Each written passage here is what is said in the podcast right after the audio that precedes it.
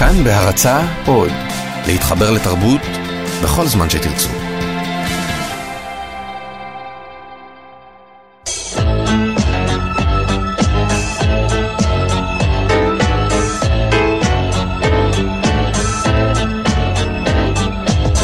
גיבור תרבות הדוקטור דן הרב והדוקטור דוד גורביץ' באולפן עם יונתן גת.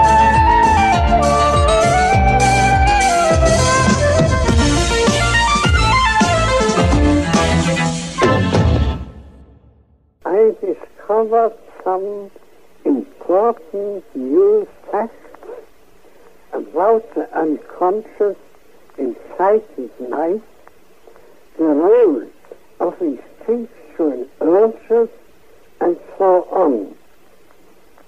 Out of these findings grew a new science, psychoanalysis, a part of psychology as a new method of treatment of the neurosis.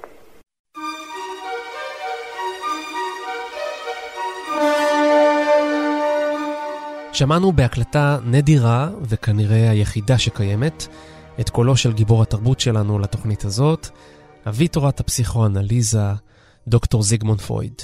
והיות וקצת קשה להבין את הנאמר בגלל איכות ההקלטה שהייתה בשנת 1938, כשנה לפני מותו, אז רק נציין שהוא אומר כך: גיליתי כמה עובדות חדשות וחשובות על תחום הלא מודע בחיים הנפשיים, על התפקיד של דחפים אינסטינקטואליים וכן הלאה.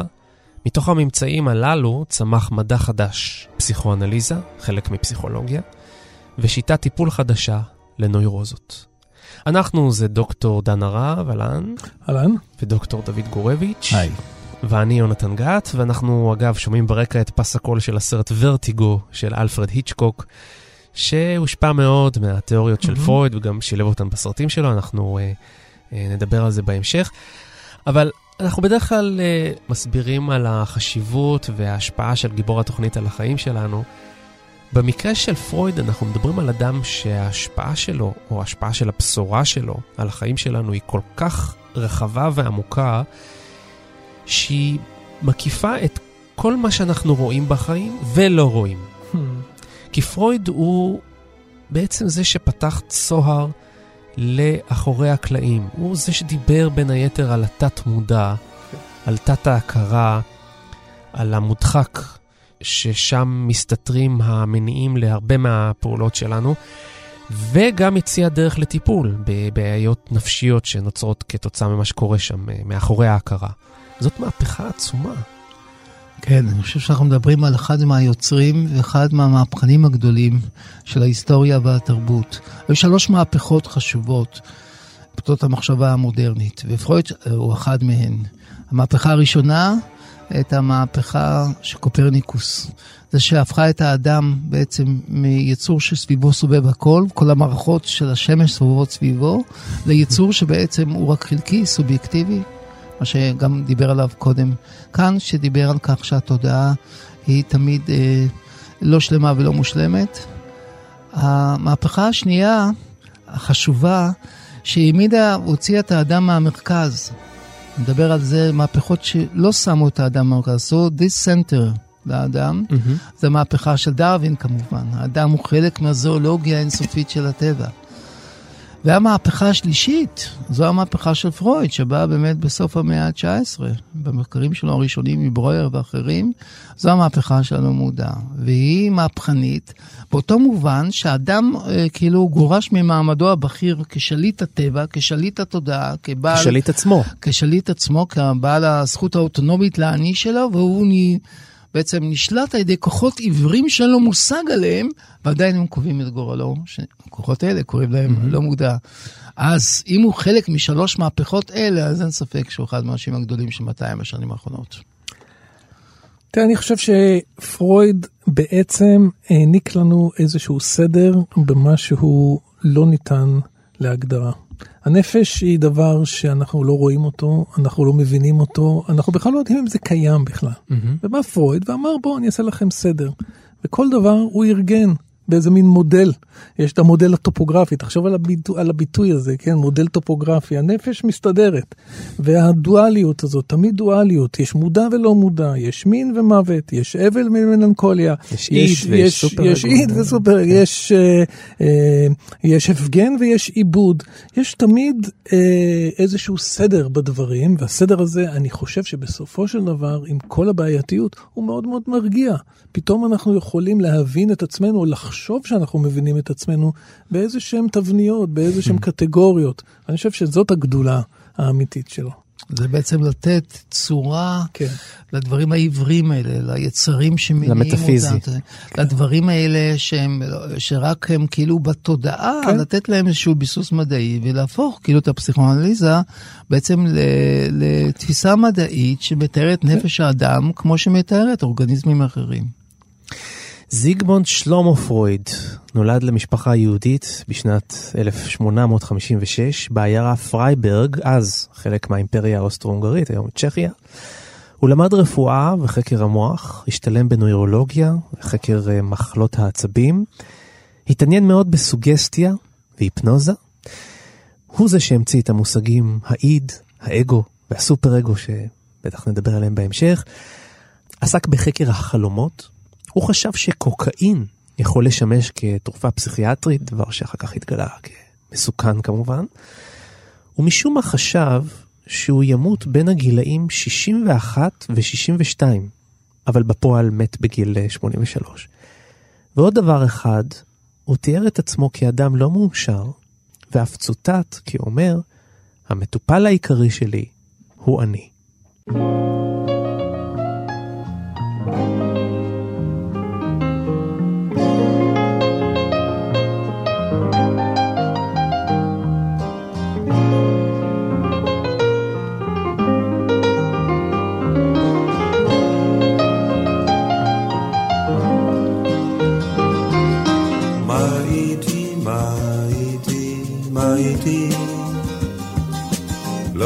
מסתדר עם עצמי.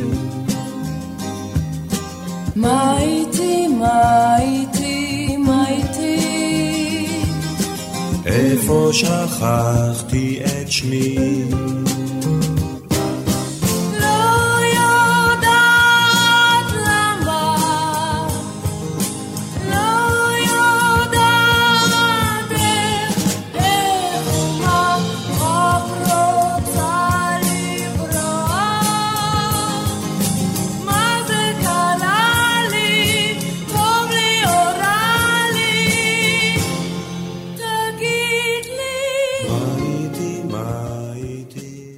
כן, לא מסתדר עם עצמי.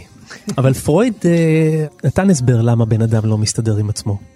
כן, הוא נתן הסבר למה אדם לא מסתדר עם עצמו, והוא ראה בזה בכוחות נפשיים מודחקים שלא מגיעים לידי התודעה, שלא מגיעים לידי לאיבוד, שלא מגיעים לידי התמודדות בוגרת יותר, וזה סוג מסוים של עיבוד, ו- ואז הם באים לך בהפוכה, בגדולה, והם בסופו של דבר הופכים את החיים שלך לאומללים יותר. והוא הציע... מעבר לזה שהוא הבין שכך הם במכניזם בו, הוא הציע שיטת טיפול. טיפול, כמו שהוא אמר, it's a way of treatment, כן. בשביל נוירוטיקנים, בעיקר נוירוטיקנים, שזה אנשים ש- שבעיות נפשיות מסרבלות אותם, ופחות בשביל פסיכוטים, של אנשים שמנותקים כבר לגמרי מהמציאות. אז מה פרויד בעצם גילה לנו? שמה שאנחנו רואים זה לא בדיוק מה שקורה, ואנחנו בעצם מנוהלים על ידי תהליכים שהם סמויים מן העין.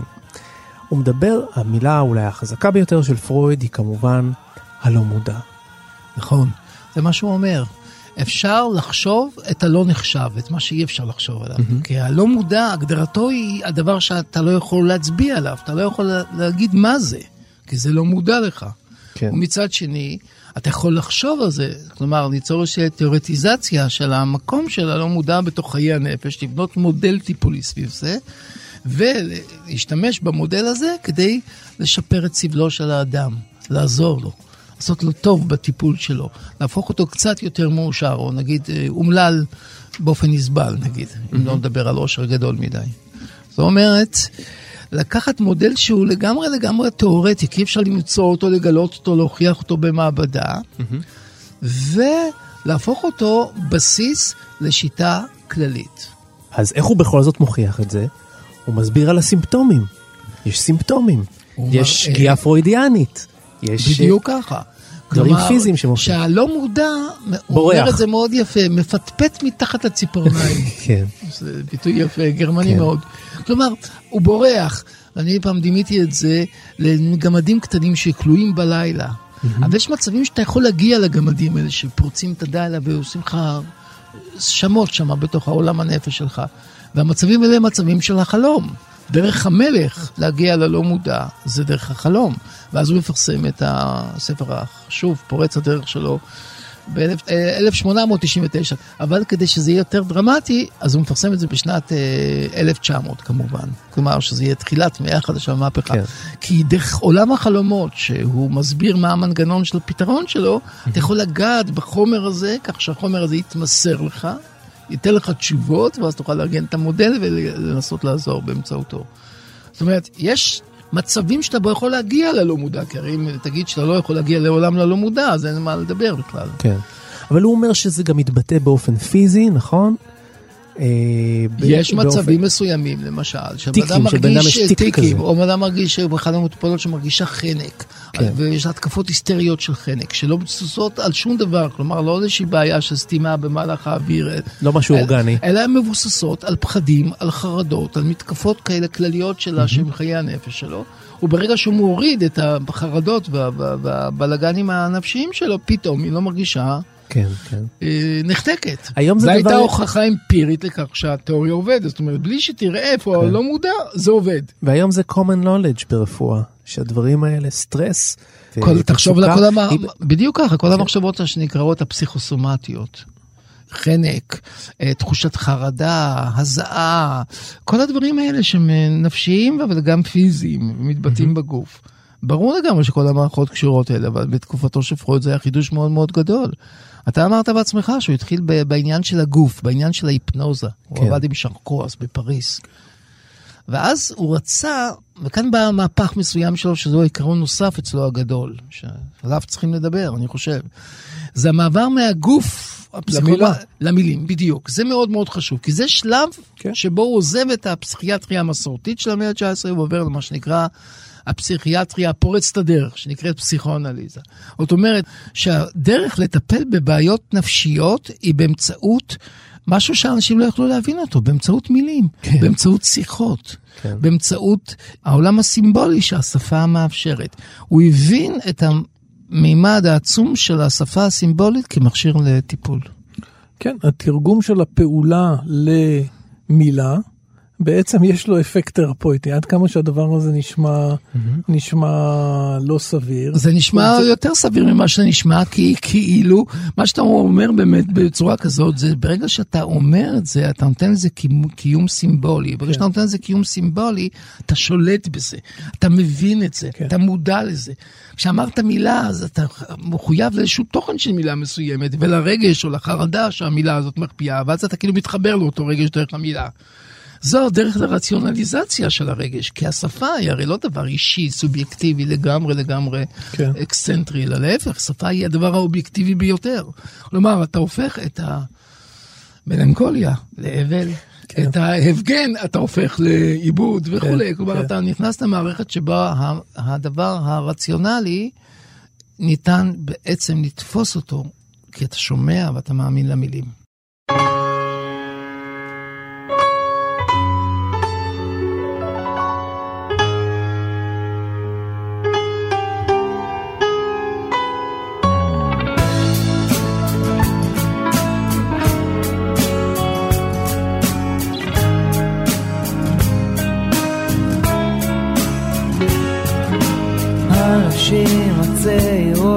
פוסעות ברחוב.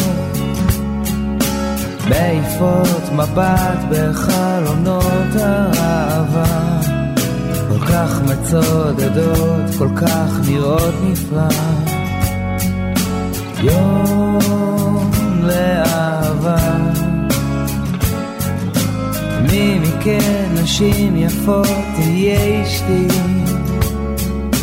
מי תחלוק את גורלה וגורלי? מי תרצה לשתות מכוס תרעלתי, או באהבה. ואני שקוע בעצמות, מתקרב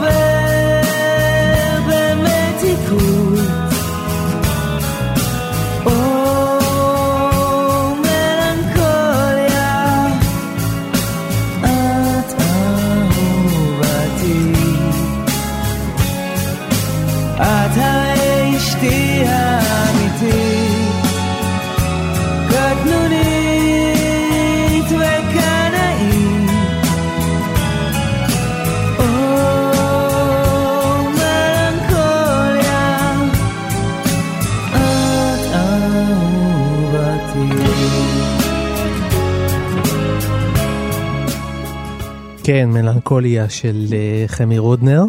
תשמע, זה, זה בסך הכל עושה המון סדר. ברגע שאתה יכול להגדיר כל דבר כדבר והיפוכו, או דבר ו... מחלה ניגוד- ושמה, אתה מתכוון? וניגודו, כן, אז נגיד מלנכוליה, זה באמת אחד כן. המאמרים החשובים של, של פרויד, אבל ומלנכוליה, עושה הבחנה בין שני סוגים של תגובות לאובדן של, אה, של אהוב. זה יכול להיות אהוב אה, איש משפחה, זה יכול להיות חבר, זה יכול להיות אה, מדינה שנעלמה לך פתאום, או שגלית ממנה. איזה מין אובדן עמוק. כן. אז יש בעצם שני סוגים, נכון דוד, של אה, נכון. תגובה לדבר הזה. התג- התגובה, נגיד, ה- הפחות, הבעייתית, הפ- הפחות, הבעייתית, תתחיל מהבעייתית. כן, הב- הבעייתית היא התגובה המלנכולית. תגובה כן. מלנכולית היא תגובה של צער כמובן, שהיא מוכרת וידועה, אבל גם כעס. כעס ואי קבלה מוחלטת של המצב, ואפילו משהו שיכול להתגלגל להאשמה ולשנאה עצמית.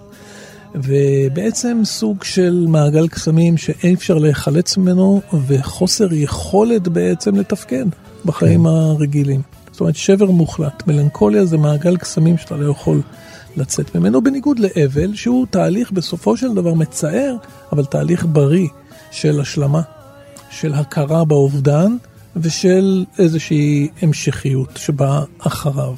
אפשר להוסיף לזה כן. שבאמת המלנכוליה היא אי הרצון לעשות עיבוד בכלל לכאב, אלא כן. לקבל אותו בצורה גולמית ואפילו קצת ליהנות ממנו. אדם מלנכולי גם נהנה מהסבל שלו, כאילו מתמרח במיץ של עצמו, ככה, בכמה אני סובל, איזה יופי שאני סובל, ואני חושב שחמי רודנר שר על זה. כן. קצת. כלומר, הוא עושה את הפעולה הלא הנרוטית. כן. אפשר להבין למה. של, של ההתמוגגות מן המלנכוליה, של התמוגגות מהצער, מהכאב, כאילו אף אחד לא מבין אותי ואיזה כיף לי ש... אני לבד מסכן. בתוך הסיפור הזה, אני ולכן אני לבד גם מיוחד באיזשהו אופן. בדיוק ככה, כן. בדיוק ככה. לעומת באמת הסוג הזה של אבל, שפירושו, אתה מגדיר את המצב של אובדן, ואתה אומר, אני פה, אני חי. המת במקום אחר. המקום שאני נמצא בו, המת לא נמצא בו. המקום שהמת נמצא בו, אני כן, לא נמצא בו. כן. אני נותן לזה שבעה ימים עכשיו לזה, בשבעה המפורסמת היהודית. שבו נדבר על האיש הזה, נדבר עליו.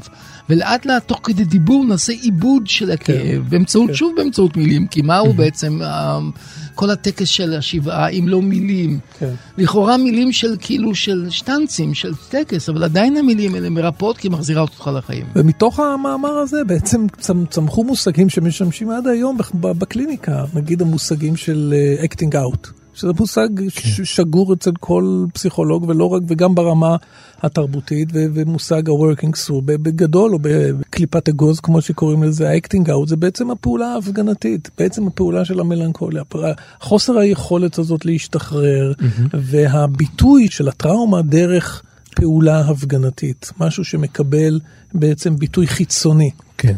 העיבוד זה היכולת להפוך את הטראומה לסיפור. כן. היכולת לה, להפוך אותה ל, למשהו שהוא בתוך החיים. משהו שאנחנו working through, תראה את הביטוי המדהים הזה, כן? נכון. לה, לעבוד דרך. לאבד, לאבד לאבד. דברים, פירושו להכניס את זה למילים, ושוב חזרנו לתרפיה באמצעות המילים, או כן. התרפיה באמצעות העיבוד, כן. או התרפיה באמצעות זה, כי האלטרנטיבה לחוש כאב, אז שאין לו ביטוי ואתה מתפרק ממנו לגמרי, זה לתת לו ביטוי לשוני. ברגע שאתה נותן לו ביטוי לשוני, אתה במידה מסוימת משתלט על הכאב, משתלט על האובדן, ואתה, מה שנקרא, אוסף את כן. עצמך מההתחלה, ויכול להירפא.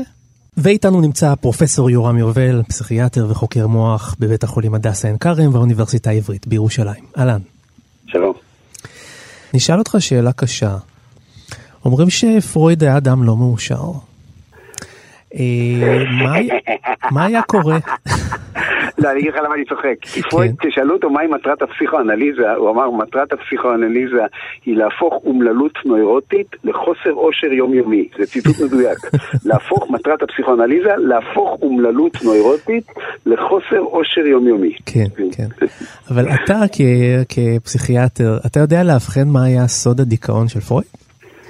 קשה נורא לדעת, אתה יודע, קשה נורא, נברו בו מכל הכיוונים. אה, אני חושב שפרויד הוא אדם שעבר הכי ניתוח אה, אופי, ויש שיגידו רצח אופי מדוקדק. הוא השאיר אחריו גם כמות אדירה של חומר כתוב.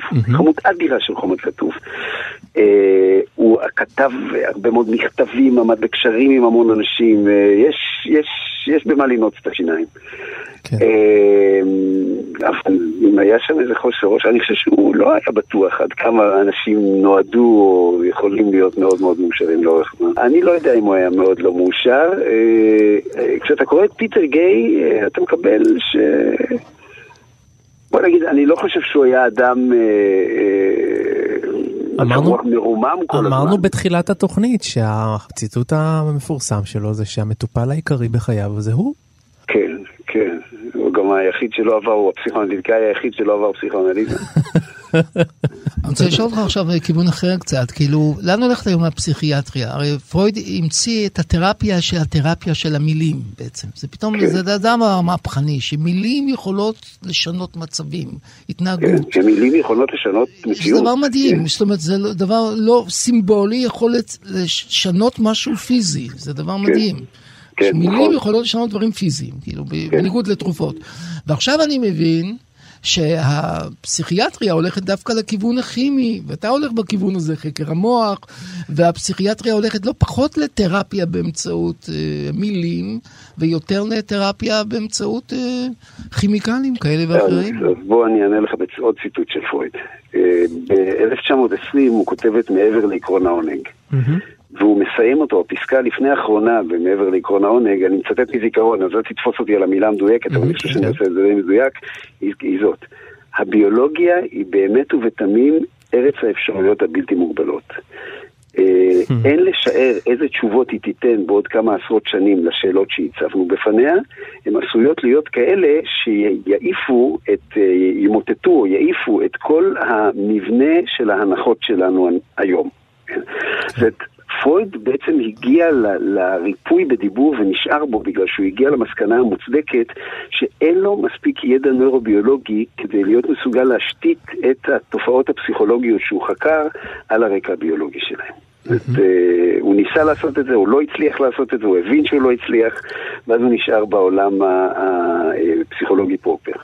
אה, אבל אני חושב שהשאיפה שלו תמיד הייתה שיקרה אה, מה שקורה היום, זאת אומרת שמתחילה להסתמן דרך לאיזושהי אינטגרציה.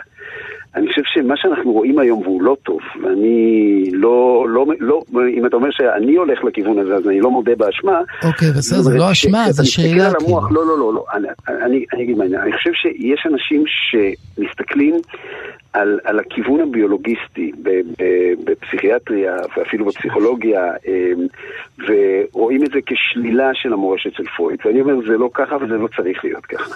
יש אנשים שעושים את זה ככה, כן? יש אנשים ש, שבאמת אומרים, "ה- הנפש זה תופעת לוואי של המוח במקרה הטוב. אה, אני לא חושב ככה. פרופסור יובל, אה, בעצם אנחנו לא יכולים לברוח מהילדות אף פעם? הילדות היא, ה... היא ה... לא, זה משהו לא. דטרמיניסטי כזה ש... לא, לא, דט- לא, אתה אמרת שני דברים שונים. אני מסכים כן. עם הראשון, אני לא מסכים עם השני. אוקיי. אני לא חושב שאנחנו יכולים לברוח מהילדות. אני לא חושב שהיא חייבת להגדיר את העתיד שלנו. הכוונה היא שמה שקרה, אה אוקיי הבנתי, זאת אומרת כן, הכוונה היא שמה שקרה מאוד לנו. בילדות מלווה אותנו, אבל אתה אומר שלאו דווקא חייב כן, להכתיב לנו את החיים. הנה, ועוד פעם, אם אנחנו, בשוונג של ציטוט פרויד, אז בואו נצטט אותו עוד פעם. הם חייבים להיזכר כדי שיוכלו להפסיק לחזור על זה, נכון? Mm, They have to remember so they will stop repeating. זאת אומרת, כל זמן שאתה לא נזכר בזה, אתה תחזור על זה אתה לא עושה ותחזור על זה עיבוד, ותחזור עד שאתה על לא זה. עושה את זה לאיבוד, אתה כן, באמת כן, נ- כן, נעצר בדיוק, לחזרה כן, כפייתית, ברור. כן, כן. זאת אומרת, אתה לא יכול באמת למחוק, תראה, זה, זה אותו דבר, להבדיל, לא כל ילדות צריכה להיות טראומה.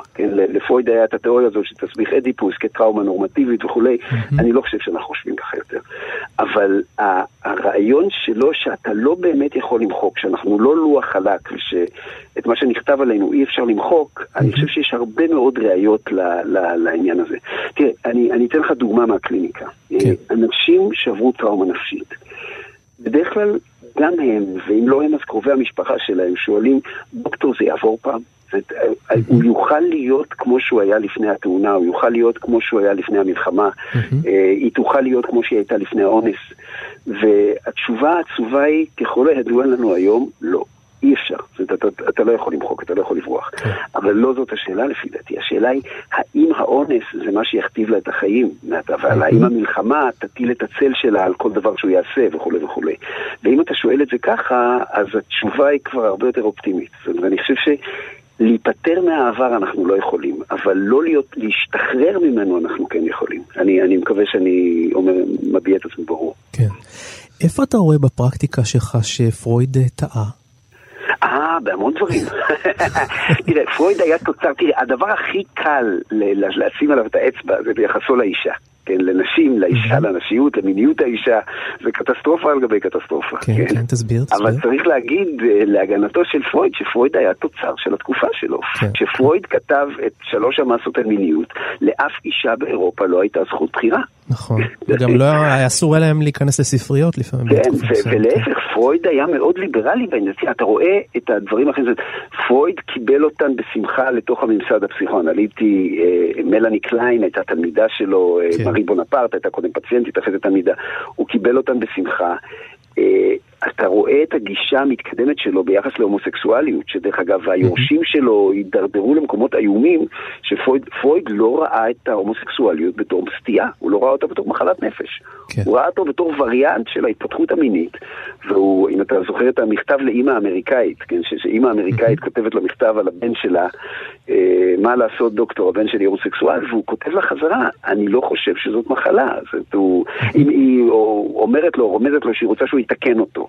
כן. ופרויד אומר, תראי גברת, אני, אני מצטער להגיד לך, רוב המקרים זה, זה בלתי אפשרי, אבל, אבל מה שיש לבן שלך זה לא מחלה. כן. כן, זה, זה... אבל, אז איפה בכל זאת הוא כן טעה? אז הנה, אני אומר, מיניות האישה, אה, אתה רוצה, קנאת הפין, אה, הייתה לו קביעה, שדרך אגב, לא רק הוא טעה בה, אלא, אלא טעו בה גם חכמי ישראל, כן, החז"ל טעו בה, ופרויד טעה בה, ואפילו קולברג, אבי הפסיכולוגיה המודרנית של המוסר, מהרווארד טעה בה, וזה הרעיון שבאופן ממוצע נשים נמצאות על, על אה, דרגה מוסרית יותר נמוכה מגברים, באופן ממוצע. חז"ל אומרים, נשים דעתן קלה ופסולות לעדות. בכל גועל הנפש הרגיל, כן. בכל הגועל הנפש הרגיל. פרויד אמר, אנחנו יודעים מה אמר, וקולברג, קולברג חשב, כן, קולברג שנות ה-60, הרווארד, כן, לא פרויד, כן, זה פסיכולוגיה ניסויית כביכול. חשב שנשים באופן ממוצע נמצאות ברמת התפתחות מוסרית יותר נמוכה מגברים. ואני אומר, רבאק, אתה רק צריך לפתוח את העיניים ולהסתובב ברחוב עשר דקות, ואתה מיד מבין שזה בדיוק הפוך. באופן ממוצע, אתה לא צריך ללכת רחוק, 95% מהרוצחים זה גברים, זה אומר משהו, כן. הפשעים האלימים, אז הנה מקום שבו הוא במובהק לגמרי טעה. כן. פרופסור יורם יובל, היינו יכולים להמשיך איתך עוד שעות, אבל זמננו קצר ואנחנו צריכים לסיים. היה מאוד מעניין.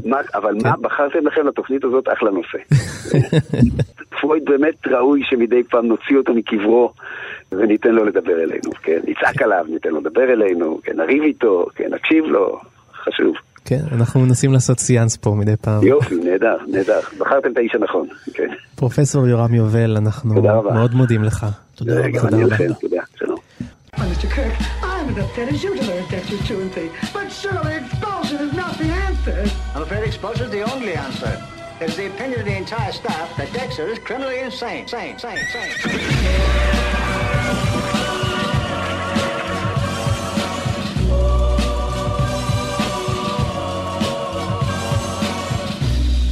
That boy needs therapy. psychosomatic. That boy needs therapy. Purely psychosomatic. That boy needs therapy. Lying down on the couch. What does that mean? You're a nut. You're crazy in the coconut. What does that mean? That boy needs therapy. I'm gonna kill you. That boy needs therapy. Granny Gazoo, let's have it, you. Now when I count three. That that that that, that boy, boy needs therapy. He was white as a sheet. And he also made false teeth.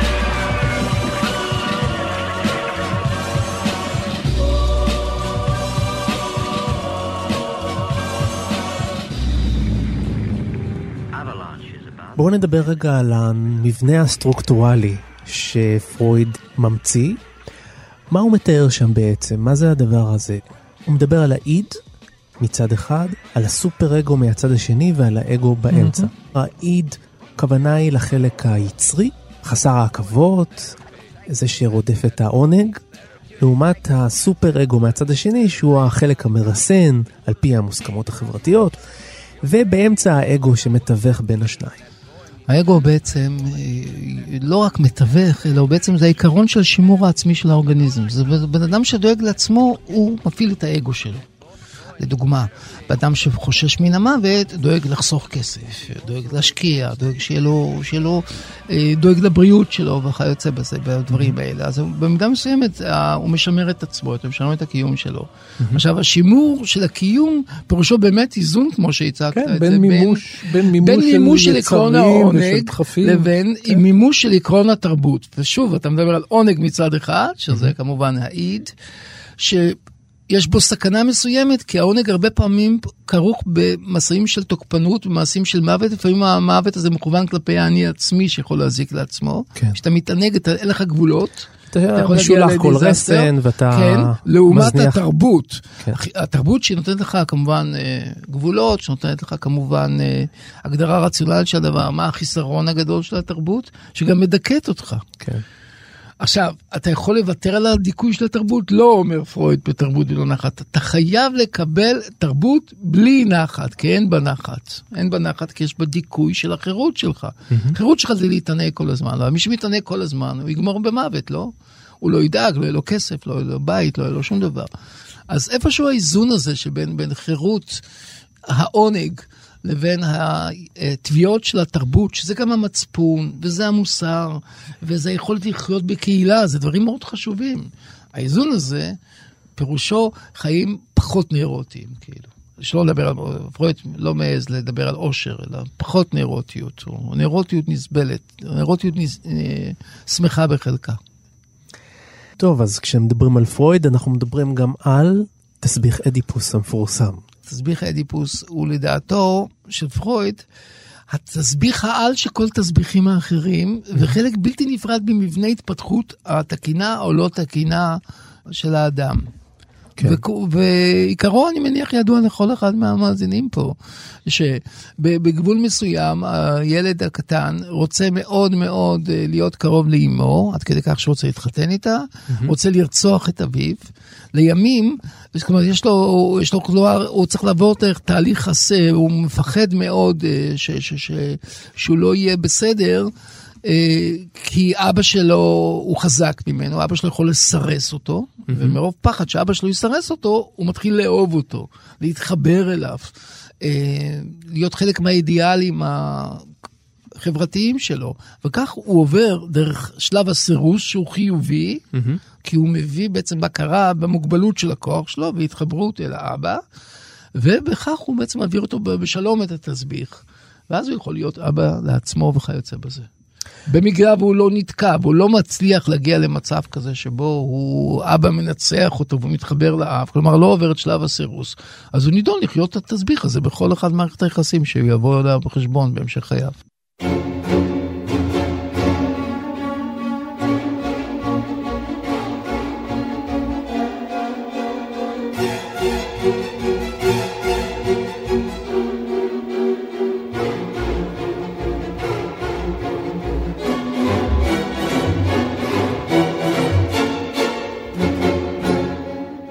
כן, אנחנו שומעים את אה, ברנן הרמן שוב, והפעם זה פסיכו, המוזיקה שכתב לסרט אה, של אלפרד היצ'קוק הגדול. והסרט הזה, כל האימה שבו מושתתת על הפרעה נפשית. כי אנחנו יודעים שבסוף הסרט, אנחנו נעשה ספוילר, ספוילר. ספוילר? כן, נעשה ספוילר כי זה סרט מה, מלפני מוכן כבר? כמעט 60 שנה. אתה תמיד נזעק ברגעים כאלה. נכון, נכון. אבל זה חשוב לשיחה שלנו, כי בסוף הסרט אנחנו מבינים שמי ש- שרצח את אה, ג'נט לי, הוא אה, אומנם בעל המוטל, אבל בעצם זה לא הוא, אלא אימא שלו, נכון. כ- כחלק מפיצול האישיות שממנו הוא סובל. החלק האימא- של האימא שבתוכו, כמו שמסביר מאוד יפה באיזו הרצאה של חמש דקות, פסיכיאטור קולנועי כזה, ששכר את שירותיו אה, כן. היצ'קוק. אז בעצם היצ'קוק משתמש בהפרעת הנפש כמוטיב האימה. נכון מאוד. אבל זה כבר השלב של הפופולריזציה, אתה רואה, והחדירה שלו לתרבות הפופולרית של הפסיכואנליזה. כן. היצ'קוק יודע שהפסיכואנליזה ידועה לקהל הרחב.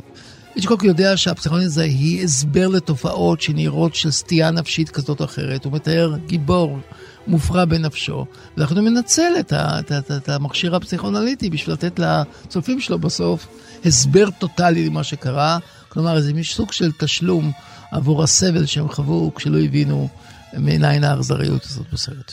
יחד עם זאת צריך להגיד שמאז uh, ימי פרויד ומאז uh, ימי איצ'קוק, אני חושב שיש לנו היום יותר פתיחות למושג הזה פיצול אישיות, שלדעתי הוא כבר כן. לא כל כך uh, פופולרי.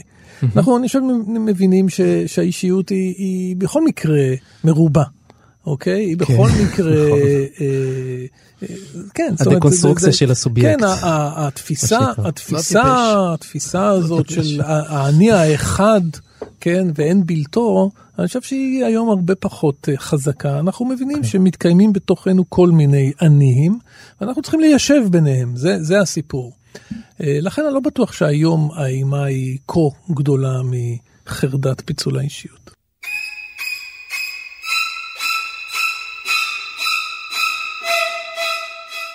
אחד הדברים המעניינים שפרויד אה, מדבר עליהם זה על אה, החיבור שהיה לא נתפס בעבר, היום אנחנו מדברים עליו כמעט בכל תוכנית, בין העונג למוות, נכון? הוא עשה את החיבור הזה, הוא היה הראשון שאולי ציין אותו בין ה... נכון, הקשר- במאמר שלו מעבר לעקרון העונג וגם בתרבות בלא נחת. כן. אה, אנחנו בדרך כלל חושבים שהתפיסה הרגילה, הטבעית, היא לחשוב שיצרי העונג הם שווים ליצרי החיים. כן. אבל הוא הוכיח לנו שיש גם ברצון למנוחה, לסטטיות, להיעלמות, לסוג מסוים של התמוססות, שזה סוג של פירוק עצמי של עצמך, של האורגניזם, משום עונג. הוא קרא לזה יצרי מוות. אבל יצרי מוות זה לא רק ההתמוססות והתחושה הזאת שאתה כאילו נעלם לעולם, שאתה נניח משתזף בים, חצי מת, חצי חי כזה באיזה עולם אחר. כן. זה גם הרצון לעיין את האורגניזם שלך וגם לעיין את האורגניזם של הזולת. לעיין. מהמילה עין, נכון, כלומר, את ה- לא סתם לעיין אותך, פשוט להיות תוקפני כלפיך, כן. להרוג אותך. יש עונג בלהרוג מישהו. מעניין. ערך תולדות האנושות. כן. ויש עונג עצום אז איך הוא מסביר את זה? איך הוא. מסביר את... אה, גם את הוא להרוג מסביר את עצמך. שיצרי העונג קשורים ליצרים של סבל ותוקפנות, זה ההסבר שלו. שעונג איננו קשור רק לתענוג במובן הפוזיטיבי. בכאב יש עונג. כן. במזוכיזם יש עונג, ומה זה כבר כמעט עבר לקלישה, במלנכוליה יש עונג. כן. דיברנו על זה. ובכן, למה במלנכוליה יש עונג? לכאורה מלנכוליה זה מצב שלילי. לא, יש משהו מאוד מענג שאתה מדמיין לעצמך כמה אתה סובל, עד, עד איזה אפשרות אתה סובל, כמה אף אחד לא מבין עד כמה אתה סובל. עד לכדי עינוג מיני, נכון? כשאנחנו עד מדברים על אה, עד- סאדו-מזוכיזם, זה עד ממש... כדי, עד כדי עינוג מיני, כמובן. כמובן שהפרקטיקה הסאדו-מזוכיסטית הופכת את העיקרון הזה של עיקרון העונג מוות לעיקרון מרכזי. כן. זאת חידה מעניינת. איך בן אדם למה שעל האורגזמה סף הכי המוות... חזקה כשקורשים לך את הגרון? אני לא יודע, למה אתה תצטרך מתים להסביר. שמעלים אותם לגרדום, יש להם זקפה? תשאל את עצמך את השאלות Mm. האלה. פרויד חשב עליהן. למה? אין פה למה. יונתן, אתה מחפש הסבר רציונלי במשהו שהוא לחלוטין... זה כאילו הטבע של האורגניזם, ככה זה בנוי. הוא הגיע, אתה- אתה לא יכול לשאול לגבי כוח המשיכה של כדור הארץ, למה זה ככה? כי זה כוח המשיכה. אז פרויד גילה את המיניות כמו כוח המשיכה של כדור הארץ. זה טבע העולם. כן.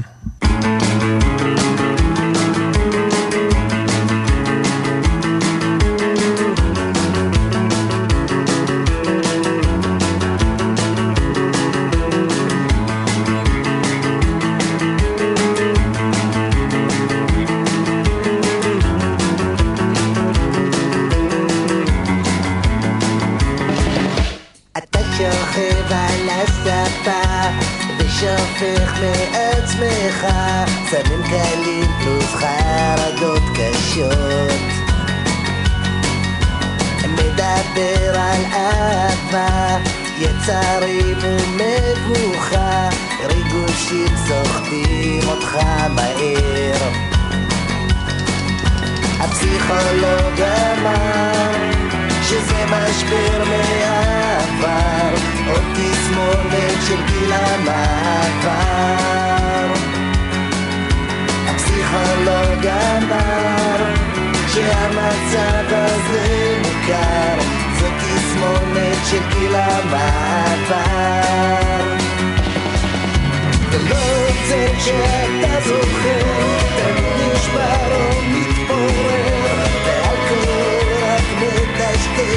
מטשטש את הבושה. זה לא עובר, רק מתגבר, תמיד נשאר ומצטבר, והכל רק מטשטש את הבושה.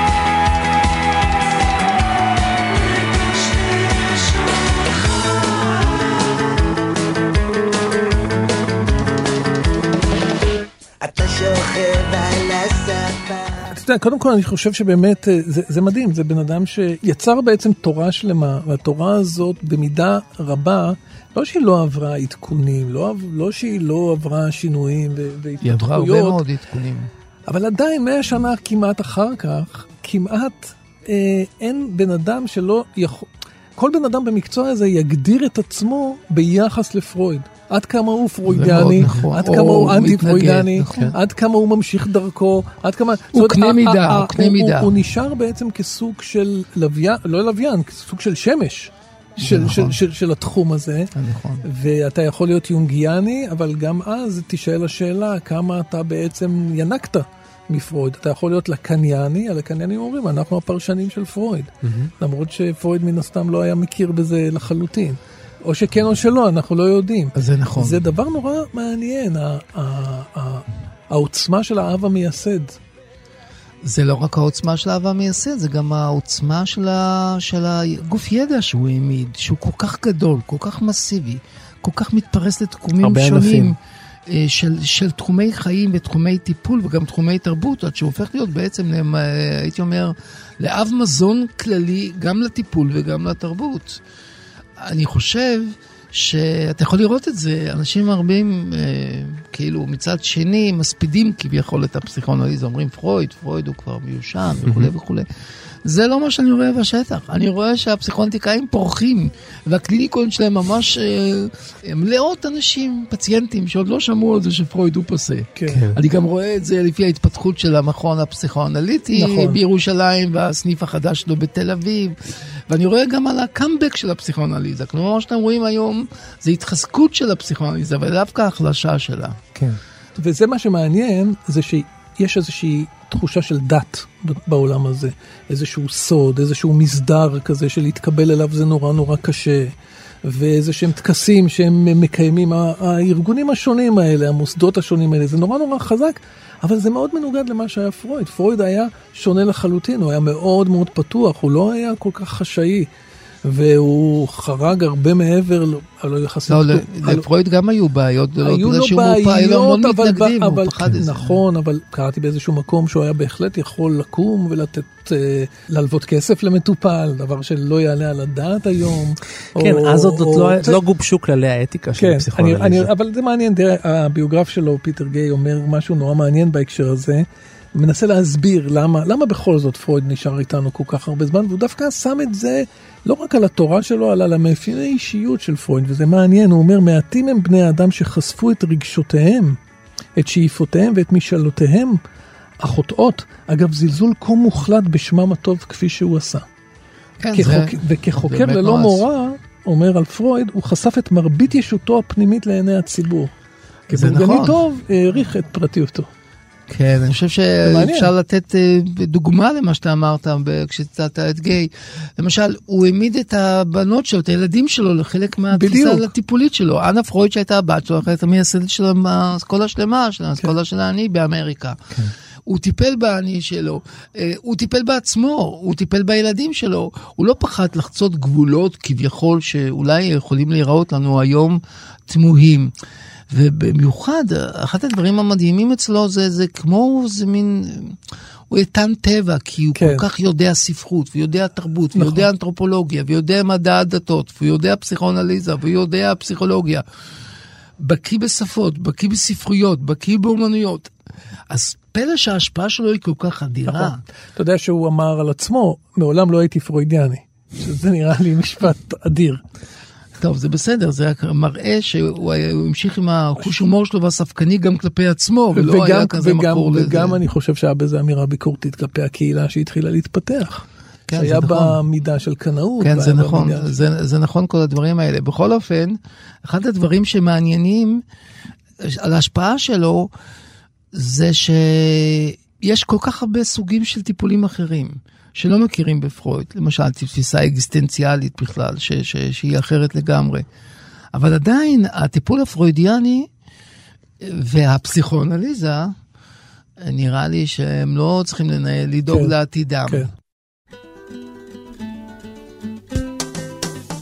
עת השתחררתי הרופאים המליצו לי ביקור חודשי בנמל התעופה זה באמת עושה לי טוב לראות מטוס גדול ממריא דרך דמעה שקופה אחר כך כבר יותר קל הלחץ על העין השטופה.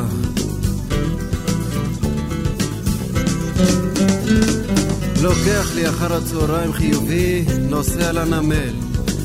לעצמי אני אומר בדרך, גם מזה עוד נצטרך להיגמל. עצמי עונה לי בהגיינו, אז נתחיל כל יום להתעמל. טרמינל, שתם, I love you, טרמינל, בלמיה. הדלתות. אנחנו מתקרבים לסיום, וכרגיל אנחנו ממליצים לכם על עוד דברים שקשורים לגיבור התרבות שלנו. אני רוצה להמליץ לכם לצפות בסדרה בטיפול, בכיכובו של אסי דיין, זיכרונו לברכה. אני מניח שרובכם כבר uh, שמעתם או מכירים את הסדרה, אבל מי שלא, אז uh, אסי דיין מגלם פסיכולוג. בכל פרק יש סשן uh, טיפולי. אסי דיין פוגש שם uh, מגוון שלם של מטופלים בדרגות uh, חומרה שונות, וגם הוא עצמו עובר uh, תרפיה, גם הוא עובר uh, שיחות. הפסיכולוגית שלו היא גילה אלמגור. יש אה, שתי עונות כאלה, אני ממליץ אה, מאוד לצפות בשתיהן. הסדרה הזאת אה, אחר כך אומצה בארצות הברית, הפכה להיות סדרה מאוד מצליחה שם, ובכל זאת אי אפשר להתחרות ברמת המשחק של אסי דיין. דוד? טוב, אני חשבתי מה אפשר להמליץ. השאלה, הבעיה, אין, אין מחסור, הייתי אומר, במה להמליץ על פרויד. המוצרים שלו הם אלפים לכל הסוגים שלהם, אבל אני אתחיל מהכתבים שלו. אבל לאו דווקא הכי מפורסמים שלו. בעיניי, אחד המאמרים הכי מזהירים שלו, זיכרון ילדות של ליאונרדו דה וינצ'י, שמטפל ב, ב, בקשר למיניות המאוד שונה של אה, ליאונרדו דה וינצ'י, באמצעות זיכרון הילדות שלו. אני חושב שזה הסבר מאוד מאוד מרתק לאומנות שלו ולאישיות של ליאונרדו דה וינצ'י, וזהו מאמר נפלא. טוב, אני תמיד מופקד על הנקרופיליה ב... בתוכנית הזאת, כמובן בצחוק. רוב חייו אה, פרויד גר בווינה, והבית שלו בווינה עדיין קיים כמוזיאון, אבל אני דווקא ממליץ אה, לבקר בלונדון, ואם כבר מבקרים בלונדון, לבקר בבית שבו הוא הספיק לחיות בסך הכל שנה מחייו, הוא היגר, מ, היגר ברח בעצם מאוסטריה ב-38, ב-39 הוא כבר נפטר, אבל את השנה האחרונה לחייו הוא חי בלונדון. Uh, והבית הזה נשמר, נשמר מאוד מאוד יפה כמוזיאון וכמרכז uh, הדרכה, ואם כבר מגיעים לבית הזה אני מציע כרגיל גם להתרפק על הקבר הקרוב, זה נמצא לא רחוק בגולדרס גרין. אגב, קבר צנוע למדי של פרויד, כדאי לעשות את הסיבוב הזה. סיימנו, תודה רבה לטכנאי שלנו נדב זילברשטיין, למפיק אייל שינדלר שהביא אותנו לשידור. אתם מוזמנים להיכנס לעמוד הפודקאסטים שלנו, גיבור תרבות, באתר תאגיד השידור הציבורי, שם תוכלו לשמוע את כל התוכניות ששידרנו עד היום. תודה רבה לך, דוקטור דן הרב. תודה, יונתן, תודה. תודה רבה לך, דוקטור דוד גורביץ'. תודה, יונתן. שימו לב שהעברנו את כל התוכנית הזאת בלי אף פליטה בפרוידיאנית. אה, נקווה שזה יקרה ככה חלק גם בתוכנית הבאה. אז עד שבוע הבא, להתראות לכם. ביי. ביי. ביי ביי. הנה כי כן עצמי אומר לי, הייתה לנו תרופה